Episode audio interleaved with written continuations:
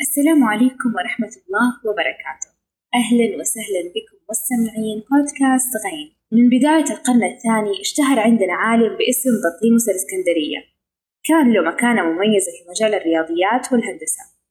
العالم بطليموس ولد في العام 100 واستخدم مكانته في مجال الرياضيات والهندسة في حسابات الفلكية وأسهم في علم المثلثات.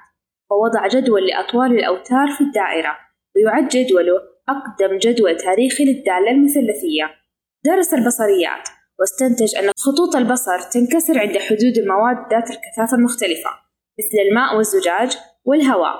وكان يعمل كمدرس في مكتبة الإسكندرية اللي كانت تعتبر جامعة وأهم مكان ثقافي في الإسكندرية. توفي بطليموس في الإسكندرية بين الأعوام 165 و 170 العالم ديوفنتوس الإسكندري ولد في الإسكندرية عام 250 ويسمى أبو الجبر. برع في الرياضيات وألف 13 كتاب المحفوظ منها ستة كتب فقط وتسمى هذه الكتب بأرثمتيكا من الواضح في أعماله أنه تأثر بالمصريين والبابليين والصينيين. ومن أهم هذه الأعمال كتاب الحساب أقدم كتاب يستخدم الرموز الجبرية. بحث في خواص الأعداد الصحيحة. من بعده ما كان في تطور في نظرية الأعداد حتى القرن السبعة عشر. عندما ظهر فيرما اللي اعتمد على أعمال ديوفنتوس لأبحاثه فيرما وجد معادلة لديوفنتوس وبرهنها لكن بدون تفاصيل. وهذه المبرهنة تسمى مبرهنة فيرما الأخيرة. وفيرما من أوائل العلماء اللي كنت أبحث في قصتهم. متحمسة جدا للحلقة اللي حذكر قصته فيها. تاريخ وفاة العالم ديوفنتوس غير معروف. العالم ليو هاي عالم صيني ولد في العام 225 من أعظم علماء الصين. وضع برهان لفرضية مشابهة لنظرية فيثاغورس.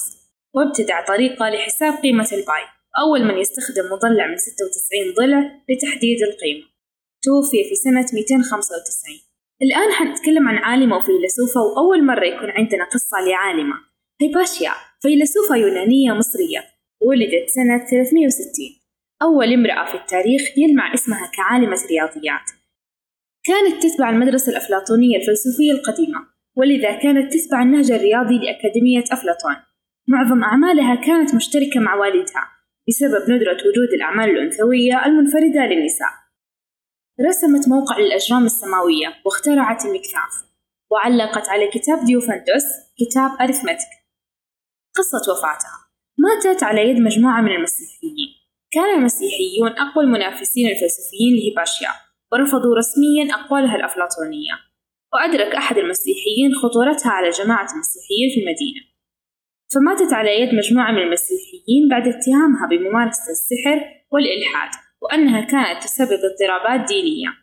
خاصة وأن أعداد جمهورها كان يزداد بشكل ملفت للنظر. كان مقتلها على يد مجموعة من المسيحيين بعد إحدى ندواتها. قاموا بتعذيبها ثم ألقوها فوق كومة من الأخشاب وأشعلوا بها النار. وكان هذا في شهر مارش سنة 415 تسبب مقتلها في رحيل عدد كبير من العلماء عن الإسكندرية وتسبب في نهاية التقدم اليوناني للرياضيات وأصبح للهندوس والعرب دور الرياضة في الرياضيات.